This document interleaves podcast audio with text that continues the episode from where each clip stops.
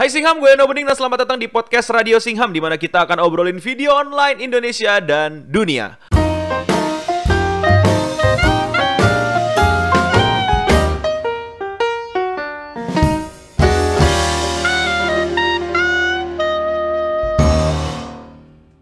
Podcast ini enaknya didengar pas lagi nggak boleh sekarang udah nggak boleh didengar pas lagi pagi-pagi di jalan karena katanya bakal ada aturannya sama polisi. Tapi yang nggak tahu deh itu urusan mereka lah. Tapi kalau misalnya di jalan daripada cari masalah nggak usah dengerin radio podcast dulu. Kalian fokus di jalan aja ya.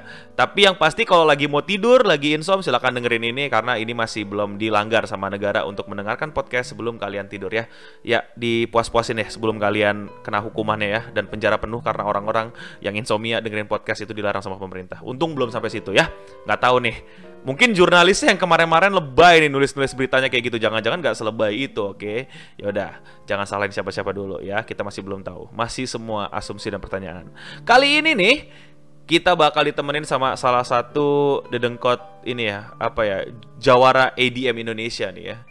Mama mama mama mama mama mama Mardial. Halo. Halo. kita di sini mau ngobrol sama Mardial bareng mengenai dunia uh, eh, ADM. ADM itu singkatannya apa sih yang benar sebenarnya Mardial? Yang benar. Hmm. Electronic Dance Music. Yang nggak yang nggak benernya apa? Yang nggak bener banyak. Contohnya? Electronic Debus Metal. dan lain-lain. Gue panggil lu Ajan apa Mardial nih? Bebas sih, Mardial aja lah. Mardial aja lah ya, seperti nama. Itu Mardial tuh sebenarnya nama asli lu apa nama panggung lu sih? Uh, dua-duanya sih, nama asli juga, nama panggung juga. jadi emang nama asli terus pakai panggung sekalian. Yoi, jadi sebenarnya kenapa gue akhirnya menggunakan nama Mardial itu gara-gara waktu gue pertama kali banget diskusi soal musik itu gue di forum kan di Kaskus. Mm. Kas Kaskus gue itu pertama gue bikin cuma buat jualan doang, terus ya namanya pakai nama Mardial, udah gue jadi nama project aja karena orang-orang manggil gue Yal Yal Mardial Mardial gitu ya udah. Selama ini tuh sebenarnya orang-orang tuh ngira ngira uh, nama lu cuman Mardial. Yang sebenarnya itu ya nama panggung lu itu beneran Mardial atau sebenarnya lu diem-diem pernah pakai nama lain gitu di kancah musik uh, eh, ADM ini atau mungkin kancah musik lain mungkin lu pernah terjun di dangdut gitu. Nama lu apa? Cendrawasih Putih gitu. Kalau sebagai solo project sendirian sih ya cuma Mardial doang sih. Paling sama kayak project gue yang lain ya. Hmm. Uh, ah, gue bikin ada beberapa karakter sih sebenarnya. Jadi di dunia nyata pun belum pernah nongol juga gitu kayak cuman karakter-karakter di internet aja. Pertama gue bikin Danny Wallace. Oh ya Danny Wallace. Jadi, ya, Danny Wallace itu sebenarnya uh, awalnya cuma kayak gue bikin uh, meme-meme kecil aja sih kalangan-kalangan gue doang. Terus akhirnya gue bikin musik yang musiknya itu jauh dari Mardial kan. Terus gue kasih nama uh, ya itu Danny Wallace. Cuma ya nggak nggak terlalu berjalan juga sih kayak tahun kemarin aja. Habis itu gue bikin Mamang Casper Mamang Casper ya purely bener-bener kayak cuman karakter aja sih komedi lah skit-skit kecil-kecilan juga. Sama Marlo Kopo. Uh, oh Marlo iya Marlo Copo apa Mar bacanya bener tuh bener sih Marlo Copo Marlo Kopo. Mar Marlo Kopo. Marlo gue baca selama ini Marlo Copo loh Karena gue pikir cop, ya, cop coponya itu kayak plesetan cupu gitu. Ah copo lu anjir anak warnet. Jadi Marlo Kopo sebenarnya. Marlo Kopo ya English pronunciation. Yo, nah ini sebenarnya antara Marlo Kopo, Danny Wallace sama Mamang Cashboard itu bedanya di mana sih? Si Marlo Kopo sendiri nih misalnya itu emang musik tapi gue ngambil kayak lebih kayak apa ya cloud rap gitu sih Bu. mau dibilang rap juga nggak nge-rap kayak bener-bener yang internet music lah kayak musik-musik yang yang sedikit tidak diakui gitu kayak apa tuh maksudnya tidak diakui? Uh, sebenarnya sih kalau lo mungkin nanti mau dijin lagi ada ada istilah cloud rap jadi kayak rap-rap yang dikerjakan sama anak-anak muda di entah mana hanya bermodalkan internet gitu dan awalnya cuma kayak lahir cuma juga dari meme juga sih cuma oh. lama-lama banyak purely gue bener-bener produksi dan di situ apa ya jatuhnya gue disuruh perform pun belum tentu bisa gitu. Karena emang produksi kayak gue bikin itu secamik mungkin di software gitu hmm. dan suara gue tapi nggak mungkin gue bisa bawain live gitu untuk sekarang karena karena itu penuh kecurangan pada saat gue produksinya kan kayak gitu. Ya, bener, makanya gue masih menganggap uh. semuanya itu karakter. Untuk kayak yang bener-bener gue bisa manggung cuma Mardial sih. Nah kalau Denny Wallace deh Danny Wallace itu musiknya lebih kayak uh, techno yang Synthwave gitu ya? Enggak, enggak enggak synthwave juga sih. Oh, Jatuhnya dark sih. Dark banget kayak kalau nanti Serius, nanti lo coba dengerin aja ada lagu ada di SoundCloud cuma dua lagu sih. Heeh. Dan emang itu juga jarang banget ada yang tahu sih kayak lagunya bener-bener dark sih. Gue juga bingung menjelaskannya kayak gimana. Pokoknya Waktu yang awe Karin bukan lo pakai Danny Wallace ya namanya? Danny Wallace di situ as director ceritanya. Oh, yang nyanyi di situ Marlo Kopo. Nah, itu Cloud Trap tuh kayak gitu, men. oh, oke oke oke. Ribet ya. ya berarti pengetahuan buat para pendengar di rumah juga nih ada cloud trap. Makanya, ada eh, gue kan beberapa kali juga ngedirect uh, video klip gue sendiri gitu entah itu Hmm. Mardial atau Marlo Popo di situ gue pakai nama sebagai director juga gue kasih namanya uh, si Danny Wallace. Jadi Danny Wallace ini perannya untuk di universe gue sendiri atau di channel YouTube gue si Danny Wallace ini perannya itu selain dia sebagai musisi yang namanya Danny Wallace juga sebagai director. Makanya kayak gue ada dua video klip yang udah gue kerjain Mardial ya dua-duanya itu gue ngedirect sendiri kan. Ya udah gue nggak nggak nggak pakai direct by, by Mardial lagi gitu gue pakai nama Danny Wallace aja Nah, kalau Mamang Cashboard dubstep banget nih berarti. Oh iya Mamang Gasper tuh apa ya ng- ngeselin sih jadi gue pengen membuat karakter yang sok sok trendy gitu sih So Jadi, ngerti musik. sok ngerti jadi apa pun Oh. yang terjadi dia bakal langsung jadi expert di situ gitu Oh, aja sih jadi waktu mungkin pada saat itu jagonya di dubstep karena lagi emang dubstep lagi naik jadi udah dubstep banget gitu Yoi. ya. Nanti ada Ah. synthwave, synthwave banget gitu. Synthwave ya, banget gitu Oh, jadi gue oke, oke, jatuhnya eh, istilahnya apa ya bener-bener kayak trend jacking sih Hmm. Shoot posting lo lah ya itu eh, Mamang ya Cashboard. asid posting gue lah. Nah, tapi sebenarnya nih yang mungkin udah lu bahas di video lu nih, tapi banyak banget orang-orang yang mungkin masih miss gitu kayak sebenarnya apa sih bedanya DJ sama produser musik sekarang? DJ musik sama produser musik? secara apa ya kalau kita mau mengartikan itu secara profesi ya beda antara Hmm. produser dan DJ gitu. Cuma tuntutannya zaman sekarang di industri uh, orang yang nge-DJ mini uh, harus bisa produce gitu sih kebanyakan ya. Oh. Kalau enggak jatuhnya uh, as a DJ doang jadi dia nggak ada karyanya ngerti kan kayak kan pengertiannya kalau orang yang di, orang yang DJ itu orang yang membawakan musik di klub gitu. dan Hmm. dia tidak harus sebagai produser tapi udah bisa disebut DJ entah dia sebagai kurator makanya banyak juga DJ yang tidak memproduksi lagu tapi tetap dihormati karena eh, kemampuannya sebagai kurator tadi dia bisa Hmm. bisa mengumpulkan lagu-lagu yang benar-benar bagus dia bisa jadi trendsetter walaupun dia tidak memproduksi karena dia bisa menyeleksi apa yang harus diterima masyarakat gitu jadi sebenarnya sah-sah aja Hmm. sah-sah aja. Cuma kalau sekarang itu untuk untuk lu bisa di apa ya dianggap sebagai artis, Cie. pasti kan yang ditanya karyanya kan, karyanya. Jadi jadi produser sih. Uh, uh, kalau zaman dulu mungkin orang start dari nge-DJ dulu, terus baru belajar produce karena tuntutan yang tadi gue bilang. Hmm. Tapi sekarang karena anak-anak ini pengennya langsung punya karya kan pasti dong. Hmm, hmm, hmm. Jadi mereka kan malah sekarang udah bisa produce baru belajar nge-DJ. Baru dia belajar gimana gue manggungnya nih kayak gitu. Hmm, ngerti gue Itu sekarang. aja. Tapi itu poin yang baru gue ketahui juga loh kayak ternyata DJ itu juga punya kemampuan kurasi gitu. Itu yang nggak semua orang Iya. Ngerti atau Betul. mungkin tahu ya kayak selama ini gue pikir DJ ya udah terima musik jadi aja terus tau-tau di wak- waka waka waka udah gitu ternyata ada ada ada apa ya berarti dia DJ itu nggak bisa asal asal DJ ya mesti punya punya taste punya punya Iya, pasti, pengetahuan pasti. luas akan musik sama akan tren Iya. sehingga dia bisa disebut sebagai Bahkan- DJ yang kurator Eh, bahkan pada saat melakukan DJing, Hmm? orang yang tidak memproduksi pun minimal dia harus ngerti sedikit teori musik. Karena Kar- pada saat Oh. nge-mix dari lagu A ke lagu lainnya, kalau dia tidak ngerti eh, sedikit teori musik kayak misalnya scale atau nada, Hmm? ya bakal tabrakan. Contoh kayak ada lagu gitu eh, kuncinya di eh, E minor misalnya. Dia Hmm. pengen nge-mix terus lompatnya malah ke F gitu. Hmm. Bah, pasti pasti nge-mixnya tuh terasa terasa janggal gitu karena chordnya itu nggak harmonis, nggak nggak nyambung gitu. kayak tiba-tiba dari Kerasakti pindah ke GGS gitu Ya, yang gitu-gitulah. Ada lagi sebenarnya kayak sedikit info kayak apa tuh produser produser pun nggak harus 100% ngerti secara teknis. Hmm. Kayak di luar itu orang yang bisa memproduseri atau mempro atau memproduce musik nggak 100% dia harus di situ uh, involve sebagai teknis gitu maksudnya. Contoh ya kayak ada orang mau memproduce sebuah track Hmm. dan dia dibutuh ada suara trompet di situ. Nggak mungkin dia harus belajar trompet kan. Hmm. dia bisa nge-hire makanya dia disebut sebagai produser karena produser kan bisa hire bisa segala macem Oh. kayak contoh ya contoh contoh paling umum kayak DJ Khalid kita nggak tahu DJ Khalid apa sih kerjaannya kayak cuman happy happy main Snapchat tapi di balik itu DJ Khalid sebenarnya ya dia yang bisa eh, bekerja sebagai produser yaitu nge-hire orang eh, ngasih ngasih direct direction Hmm. "Wih, musiknya gue mau kayak gini gitu ntar krunya ada banyak Oh, jadi kita bisa mendapatkan ilmu baru nih dari Mardial nih. Selama ini yang anak-anak muda pikir anak EDM tuh satu orang doang, nggak juga gitu ya. Produce nggak juga nggak juga satu orang nggak juga gitu ya. DJ cuman muterin musik nggak juga. Ada skill-skillnya ternyata juga yang bisa kita apresiasi sebenarnya. Cuman mungkin karena Yoi. Teknologi yang terlalu mencepat kita ketemu ADM ini kan kayak menurut gue ADM kan kayak bener-bener yang 2000 belasan nih kan hadir kan. Eh, ADM. Semua orang Iya, ADM gitu kan. hype-nya hype-nya mulai jadi kayak radio gitu udah mulai jadi musik radio di, di belasan-belasan sih Iya, kayak. belasan. kalau Semua di orang- Indonesia ya Heeh. Alan Walker semuanya kan pakai baju awe semuanya kan gitu.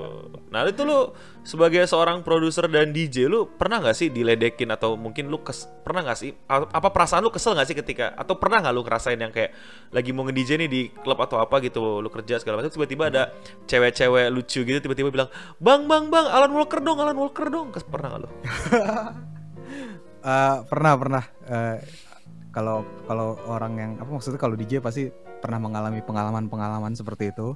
Kalau gue sendiri sih gue dalam hati kesel juga. Maksudnya ngapain sih gitu? Kayak lu nggak tahu apa eh, lagu yang gue bawain kayak gimana biasanya gitu. Hmm. cuma gue menanggapinya dengan santai aja sih. Kayak gue cuma bilang nggak ada lagunya di gua gitu. Aja sesimpel itu aja.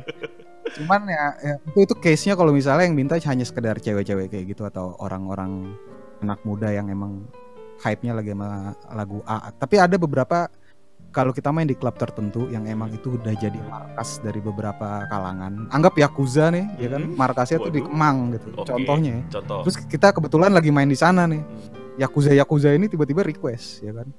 Woi barakatak nggak gitu.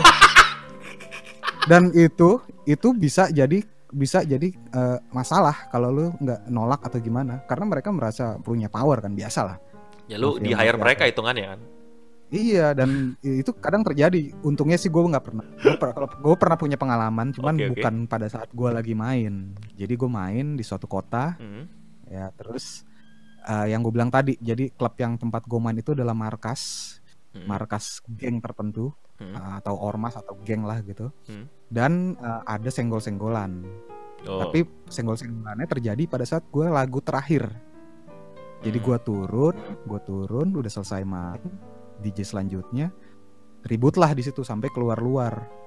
Tapi Wah, lu udah sampai turun. pecah-pecah segala macam. Tapi untungnya gue udah turun, gue lihat dan itu dan itu nggak ada hubungannya sama DJ-nya sih, cuman kayak senggol-senggolan geng-geng ya. Cuma itu maksud gue kayak klub itu klub malam juga lumayan tempat yang berbahaya gitu. Kadang ya kayak di tempat karena ya itu kadang mereka di bawah pengaruh something gitu. Makanya itu yang sebenarnya sedikit gue resahkan juga sih kayak uh, orang ada stigma-stigma kalau ke musik-musik elektronik itu harus dinikmati dengan drugs atau minuman padahal enggak juga men kalau emang lu into sama musik ya lu minum teh aja juga lu nikmatin kan Tapi kan ntar dibilangnya nggak gaul. Anjir masa EDM minumnya baju igur gitu kan. nah itu yang norak sih kayak lu mau mau berkiblat sama apa ya negara lahirnya eh, musik elektronik pun ya nggak gitu-gitu amat juga sebenarnya Hmm. santai kayak culture-nya ya nggak norak gitu loh kayak Ini ngomong-ngomong soal musik EDM itu sendiri dari elunya seorang Mardial, itu lu belajar dari mana sih gitu? Lu apakah lu otodidak? Apa lu pernah les piano gitu atau lu les Sakamoto atau jangan-jangan lu ini ya apa eh, keturunan Kus Plus apa gimana? Anjir. Kalau kalau musik secara general sih emang keluarga gue emang doyan musik semua kayak bokap gue vokalis band cafe gitu-gitu kan. Jadi Oh, tapi bukan Ya. EDM semuanya keluarga lu.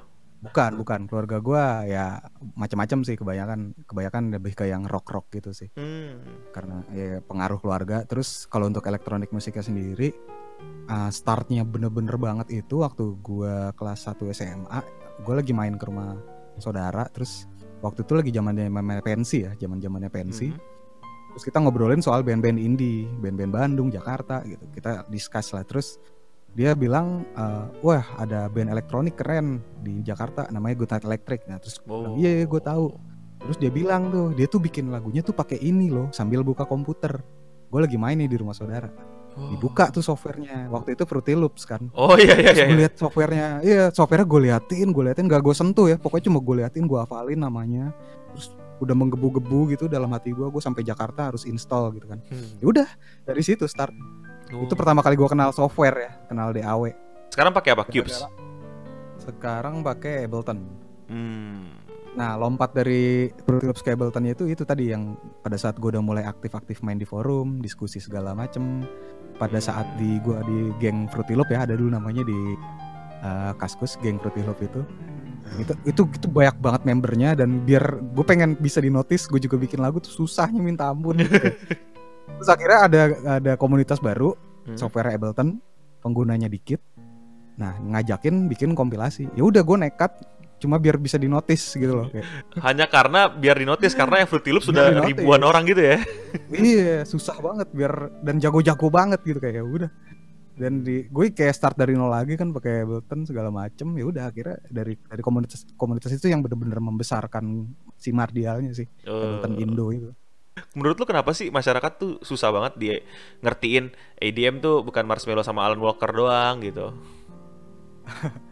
sebenarnya ya, ya masalahnya bisnis sih kayak apa yang lebih menjual ya bakal formulanya bakal dipakai terus gitu Hmm. aja sih Sama kalau misalnya lu Hah? nanya gue kayak empat tahun yang lalu gue mungkin bakal sok-sok marah yang gimana nih kita kurang dikenal yang gitu-gitu cuma sekarang udah bagus ya, Oh. PR-nya tinggal satu PR-nya tuh promotor Aduh ya promotor betul. nah promotor kita gue yang yang sangat gue sesalkan itu promotor kita itu masih misah antara lokal act dan international act gitu dan pakai ada istilah lokal heroes gitu kayak misalnya ada festival besar Hmm, lokal uh, performer yang yang keluarga negaraannya Indonesia hmm. itu disebut sebagai lokal act. Padahal uh, banyak yang kayak uh, performer yang orang Indonesia itu yang sebenarnya di luar juga dikenal gitu, tapi tetap aja masih dipisah dengan istilah lokal act gitu. Dan jamnya pun dapat dapat ya udah jam lokal act beda, jam international act beda, sampai settingan soundnya aja beda gitu kayak. Wah. sedih nggak kayak Settingan soundnya? sedih. Iya, Waduh. Settingan soundnya kayak jadi agak kecilin dulu. Alasannya biar ntar takutnya panas kayak gitu. Lah. Dari dulu selalu kayak gitu. Kayak ini ya apa eh kasta-kastaan ngelihat orang luarnya masih ada ya. Iya, Kolonial mentalnya masih ada. Semoga promotor ada yang dengar ya podcast ini. iya. Kalau Gue sih udah udah ber, ber- berapa kali bilang soal ini dari zaman dulu, cuma kayak ya nggak pernah ada yang. Iya, jangan-jangan DJ atau produser yang lu undang versi kafenya orang sono, sedangkan orang Nah. Indonesianya udah keliling Indonesia. Itu itu bener banget men. Itu, Itu jadi ada- terjadi.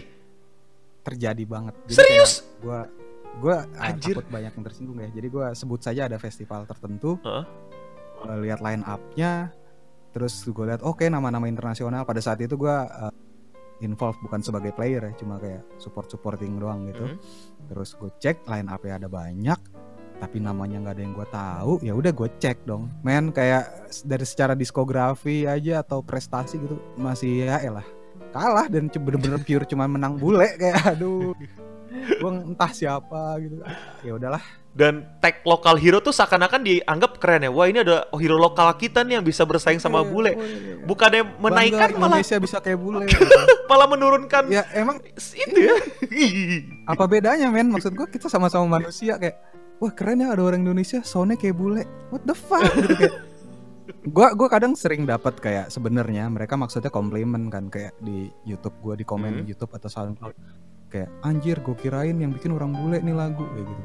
Ya emang sebenarnya dia mau se- sebenarnya komplimen tapi gue tetap ngerasa dalam hati kecil gue kayak ya emang kenapa anjing? Kayak emang bule doang yang bisa bikin lagu enak gitu kayak. Iya, ya men- Iya. mental postkolonialnya benar-benar ya.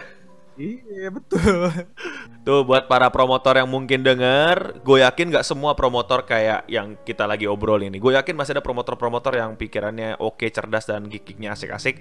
Yuk tunjukin diri kamu biar nggak ke apa ya, nggak kegeneralisir sama promotor-promotor yang ya gitulah mentalnya mental postkolonial gitu kan. Nggak semua ya, nggak semua kayak gitu ya. Hapuskan lokal hero ya. Indonesian finest. Oke, Indonesian Finest betul. Gitu-gitu ya. eh, jangan-jangan di Indonesia dia malah nggak terkenal, terkenalnya di Belanda.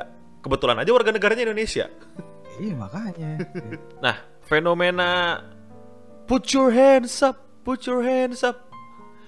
Orang yang pakai mic DJ-nya kerja, uh -huh. dia cuma put your hands up, put your hands up. Itu sebenarnya istilahnya yang bener apa sih dia? Uh, itu hype man kan? Si, hype kalau di dunia hip hop disebutnya mungkin hype man. Hmm. Contoh, uh, fungsinya buat ngebantu rapper gitu kayak hmm. biar tebel atau gimana. Cuma kalau di untuk culture dunia klubnya sendiri, clubbing culture-nya itu itu dari dulu sebenarnya emang udah ada. Itu disebutnya MC. Hmm. Ya, tugasnya pun sama untuk untuk keep the audience uh, apa ya menjaga audiens itu tetap tetap nggak beranjak gitu loh. Cuma banyak sekarang mungkin uh, orang ngelihatnya aneh karena emang MC-nya udah nggak seseru MC yang lain gitu. Banyak MC-MC yang sama lah kayak oh. di dunia apa pun pasti banyak yang dadakan-dadakan. Sedangkan kayak MC yang bener-bener pakai skill parah itu biasanya di genre-genre kayak yang gue tahu yang biasa gue lihat itu musik-musik di UK kayak drum and bass atau uh, dubstep atau uh, eh, UK garage itu biasanya MC-nya MC-nya itu sebagai MC rap juga. Jadi dia nggak cuma put your hands up tapi materinya banyak banget dan dia bisa freestyle satu lagu full. Hmm. Nah itu biasanya itu di UK banyak dan biasanya uh, yang MC itu orang-orang grime. Bener-bener emang dia MC. Istilah MC sendiri kan kalau istilah orang yang melakukan rap atau grime itu kan MC juga. Yang fenomena-fenomena sosial yang sedang terjadi di sekitar gua, yang gua sempet nonton-nonton gitu kan cukup gede lah festival-festival gitu gede nggak nggak nggak hmm. segede skala nasional lah ya skala kota hmm. dia tuh ngakunya MC lah hype gitu segala macam tapi hmm. kenapa gue pindah-pindah ke setiap festival itu cuman put your hands up terus ngajak selfie terus one two three four dup gini kalau zaman dulu uh, musik zaman dulu, musik klub hmm. zaman dulu, karena emang untuk nge-mix aja itu butuh proses, jadi butuh waktu yang lama. Jadi di situ MC punya banyak space untuk nge-explore dia bisa nge-rap, dia bisa ngapain, dia bisa oh. interaksi. Cuma Tadu, karena musiknya sekarang MC itu hmm? kerja bareng sama DJ dan produsernya. Pada saat di stage. Jadi mereka cuma mikirin konsep datang. mesti ngapain kan?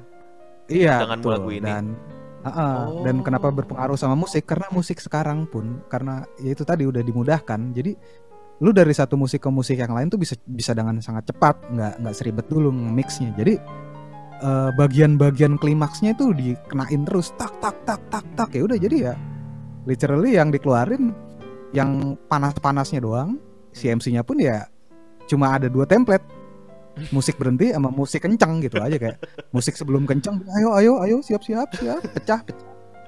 Gitu-gitu aja. Berarti MC MC yang gue lihat MC cabutan dong. Eh sini lu jadi MC put your hands up gitu langsung ya Iya, iya sering. Uh, eh, gue sering di MC-in sama yang entah siapa tahu-tahu datang ngambil mic itu sering. Tapi dia gak tahu lagu lu. Dan bete. Ya. Sosok nyanyi padahal dia gak tahu lagunya. Ya. Jadi cuma nebak-nebak. Kita yang ngerti gitu, yang emang tahu uh, musiknya bener-bener tahu. Sedikit annoying aja ya, sedikit kesel aja. cuma tetap ngebantu sih. Oh. Annoyingnya cuma kayak mereka entah siapa, tahu-tahu naik gitu. Nggak ada, nggak ada di apa plan list gitu tiba-tiba nongol nih orang nih gue denger lu juga sering produce ghost. Apakah benar? Apa ghost producer ya istilahnya? iya iya. Kalau ghost producer itu gosip sih nggak pernah terbukti ya. Tapi sebenarnya gue gak ngerti deh, kan orang-orang bilang hmm. seakan-akan terms itu dipakai untuk hal yang negatif. Ah lu ghost producer ya, lu pakai ghost producer ya. Maksudnya apa sih? Gue gue sendiri yang gue tahu sih kalau di film ada ada ghost writer. Nah kalau ghost producer oh, iya. apakah sama? Kalau kalau ghost writer di sini sih nggak terlalu ngebohongin ya karena kalau di film-film tuh yeah. memang uh, banyak yang lu taunya kan udah jadi film nih. Biasanya kalau anak film uh. pendek gitu kan, kalau lagi lomba-lomba gitu. Nah ghost writernya ini pun dibilang ada namanya, pasti kayak bukan nama oh, aslinya. Oh, kredit gitu ya. Ada kredit tapi tidak oh, tidak disebut oh, nama aslinya. Anonim, anonymity gitu berarti. Yes. Nah kalau di musik oh. sendiri gimana? Beda men berarti kalau untuk dunia EDM-nya sendiri ya. Karena kalau di apa istilah ghost producer sebenarnya bukan pada saat musik elektronik doang kan kayak zaman-zaman dulu banyak juga kasus yang ternyata produsernya siapa, cuman di kreditnya siapa kayak gitu. Mm-hmm. Nah di kalau di elektronik musik sendiri si ghost producer ini lebih kayak uh, misalnya ada satu ghost producer dan kliennya itu adalah DJ yang nggak bisa produce contoh kayak Mm-mm. gitu. Dia pengen dia pengen orang tahu dia bisa produce. Si DJ-nya. dia pakai jasa ya dan dia pakai jasa pro, ghost producer itu. Oh. Gitu. Dan kalau yang dari teknis yang gue tahu, yang gue tanya sendiri langsung sama beberapa ghost producer, rata-rata mereka sistem itu beli putus. Hmm. Jadi udah dia beli lagu, ya udah lagunya jadi seolah-olah milik segala macam rights-nya punya dia. Udah. Si ghost Hmm. producer itu nggak dapat apa-apa lagi. Jadi lebih ke ini ya pemalsuan data ke masyarakat kalau seakan-akan si DJ-nya itu produce sendiri. Betul. Oh, oh gitu. Jadi ghost pro- lu sendiri pun juga nggak nggak ghost producer ya? Enggak, enggak. Hmm. Enggak pernah, tapi kayak ada yang minta-minta beberapa ada sih. Kenapa sih mereka sampai minta banget gitu, sampai ada tuntutan apa ya? Sampai ada di di pasar ini ada sampai ada demand untuk jadi seorang ghost producer tuh apa sih penyebabnya? Ini kalau kalau ini berdasarkan pengalaman gue sendiri karena ada beberapa orang yang minta sama gue dan gue menemukan satu karakteristik dari tipe-tipe orang yang minta jasa itu. Yaitu? Ke gue ya, yaitu gue ngecek rata-rata mereka sebenarnya udah mem- cukup memiliki apa ya fame lah sedikit gitu. Istilahnya kayak contoh ya kayak misalnya follower twitternya atau instagramnya sudah lumayan hmm. dan dia pengen jam ke dunia EDM karena secara apa ya secara penghasilan mungkin bakal jadi gede. Cuma dia butuh diakui juga sebagai produser supaya bisa dapat event-event besar gitu kayak Oh. festival besar kayak gitu sih lu sendiri selain ADM tuh ada kerjaan apa lagi sih? Sebenarnya lu pure kerjaan ADM aja atau jangan-jangan diam-diam lu seorang PNS nih? Hmm, jadi gue sebenarnya kalau apa ya gue Pokoknya serabutan ya, semuanya gue sikat selama itu masih di bidang musik gitu. Hmm. Jadi kayak gue buka aja ya penghasilan utama gue itu sebenarnya bukan dari si Mardialnya malah, Lah lo dari? tapi dari Hazen Mardial. Hmm. Dari seorang gue bener-bener gue sendiri sebagai music arranger. Hmm. Jadi gue kayak ngerjain banyak komersial musik gitu sih kayak konten-konten eh, program TV, Hmm. Jingle. konten, jingle, iklan TVC juga gitu-gitu sih. Hmm. Soundtrack ya, Naruto juga rumah ya? produksi sih. Ya, soundtrack soundtrack Naruto anjir. Gue alhamdulillah pernah beberapa kali ngerjain scoring film sih walaupun hanya beberapa scene tapi itu lumayan pencapaian. Hmm. Jadi sebenarnya goals gue itu untuk si Hazian Mardial ini sendiri buat gue sendiri yang emang buat sehari-hari gue itu gue pengen bikin rumah produksi aja sih, audio post lah. Post production Ya. untuk audio Post ya. production khusus audio. Us- musik. a- atau khusus musik. Karena kan audio bisa juga kayak Ah. suara dubbing. Pengennya sih pengennya audio juga, Oh. tapi human resource-nya gue belum punya. Jadi Ya, masih ben- gua- bener-bener pengen sound engineering dan kawan-kawan. Ya, Hmm. betul. Emang miskin sih di Indonesia maksudnya nggak nggak nama sound engineering tuh masih kaku di kalangan orang-orang ya Oh iya. yang otak ngatik audio taunya editor sekarang kan sekarang kan udah lumrah nih Adobe Premiere nih di mana-mana di mata masyarakat mereka belum tahu. Cubase dan lain-lain Hmm. Makanya gue sebenarnya nih gue pengen ngasih sedikit input buat channel lu nih. apa tuh Sebagai sound engineer ya, Heeh. sering ngagetin lu no. Nggak nggak masalah gini. Nama lu Eno Bening, suara bening men, clean sound. itu itu itu yang mengganggu. Kalau nama lu bukan Eno Bening, nama lu bukan clean sound, gue nggak bakal permasalahin ini men. Nama lu tuh udah sangat beban men buat diri lu. jangan jangan lagi ada sound sound yang ngagetin no kayak lu sering banget ketawa dan itu ngagetin gue no kalau gue lagi pakai speaker dan kita ya kita nih sebagai orang yang nonton YouTube aja tuh pakai speaker studio Hah? itu itu kasihan sama speakernya no kalau lagi begitu gue sering cerita ke Israel. Kayak gila ya youtuber youtuber audionya sering ngagetin dan sering ngepick. Gue kalau lagi dengerin di speaker gue speaker monitor Hmm? kasihan sama speaker. Bisa rusak lama-lama. Belinya lagi susah. Iya. Iya sih bener juga ya. Thank you nih Ya, masukannya nih dari Mario Yoi, Tapi men. itu beban sih memang. Gue juga sempat sempat itu kritikan yang sering sering gue ketemuin sih di eh, apa comment box gitu segala macam kayak Uh, nama lu bening, ini audionya nggak ada bening-beningnya. Gue juga demi Allah gue mau request ganti nama deh. Soalnya Eno Bening juga bukan nama panggung, nama gue dari kecil anjing. nama Yoi. klan. dan bener-bener suara bening men iya ada suaranya ada suara itu itu itu itu, itu ngeheknya sih gue juga gak ngerti tuh nama keluarga gue kenapa begitu emang dan semua keluarga gue emang bening suara belakangnya setelah ditelusuri Yoi. sih nggak ada hubungannya sama musik sebenarnya bening tuh maksudnya kayak kesucian gitu loh. Suara Iya. tuh eh apa vokal vokal Pure- bersuara. pure heart. Iya your heart.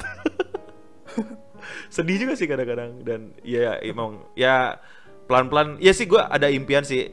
Mumpung lagi pengangguran belajar sound engineering dikit-dikit gimana apa Iya. ngatur audio cuman, segala cuman, macam cuman cuman kasih kompresor doang kono. Serius. Nah itu gue nggak tahu kompresor apaan iya lu tanya Israel gampang sumpah. Banyak banget orang yang eh, ngelihat tuh sebenarnya dari YouTube gitu. Anak-anak bocah lihatnya dari Iya. YouTube segala macam sampai bahkan lu udah beberapa kali dapat iklan dari YouTube juga ya? Sponsorship Iya, dari YouTube. Nah ya thank God. lu sendiri sebenarnya emang pengen terusin lu jadi seorang youtuber atau bahasa benernya adalah content creator?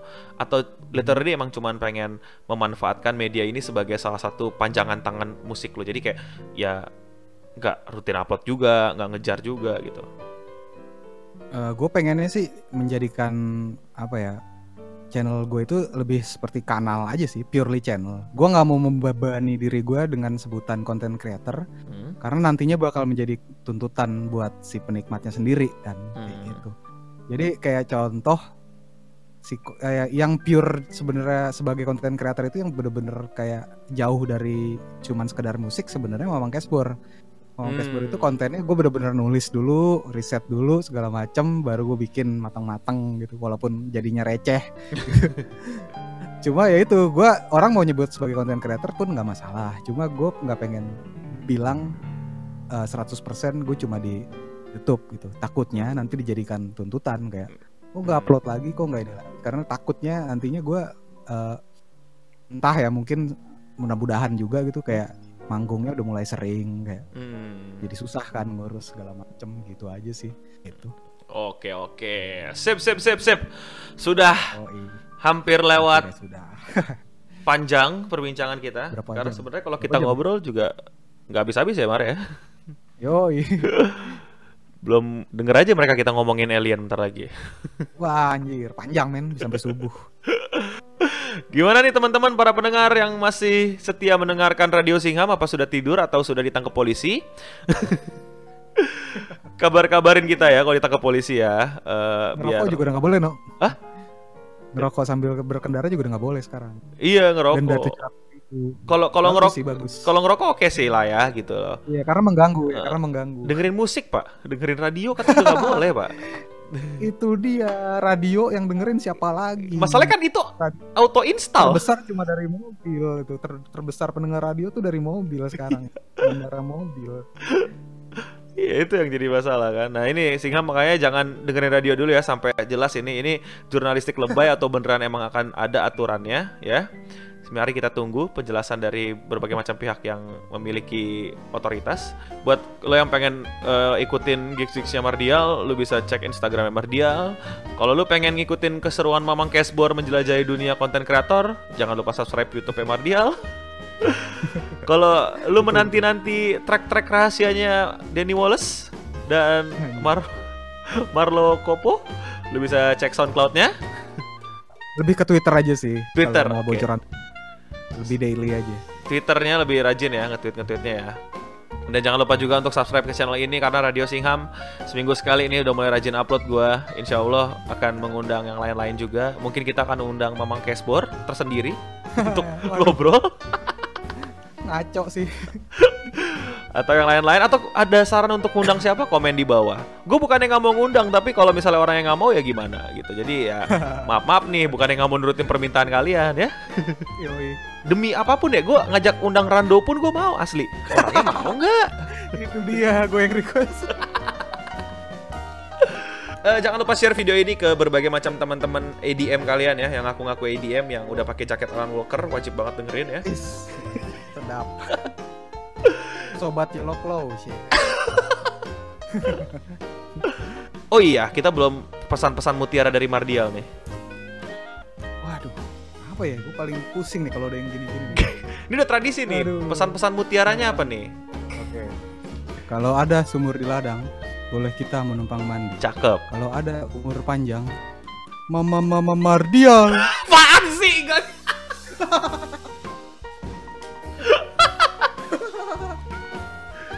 Itu tadi kayaknya Mamang Cashboard dia ngomong. Thank you semuanya udah nonton. Thank you Mardio sekali lagi. Dan yang paling penting buat kita semua Singham, stay clean and sound.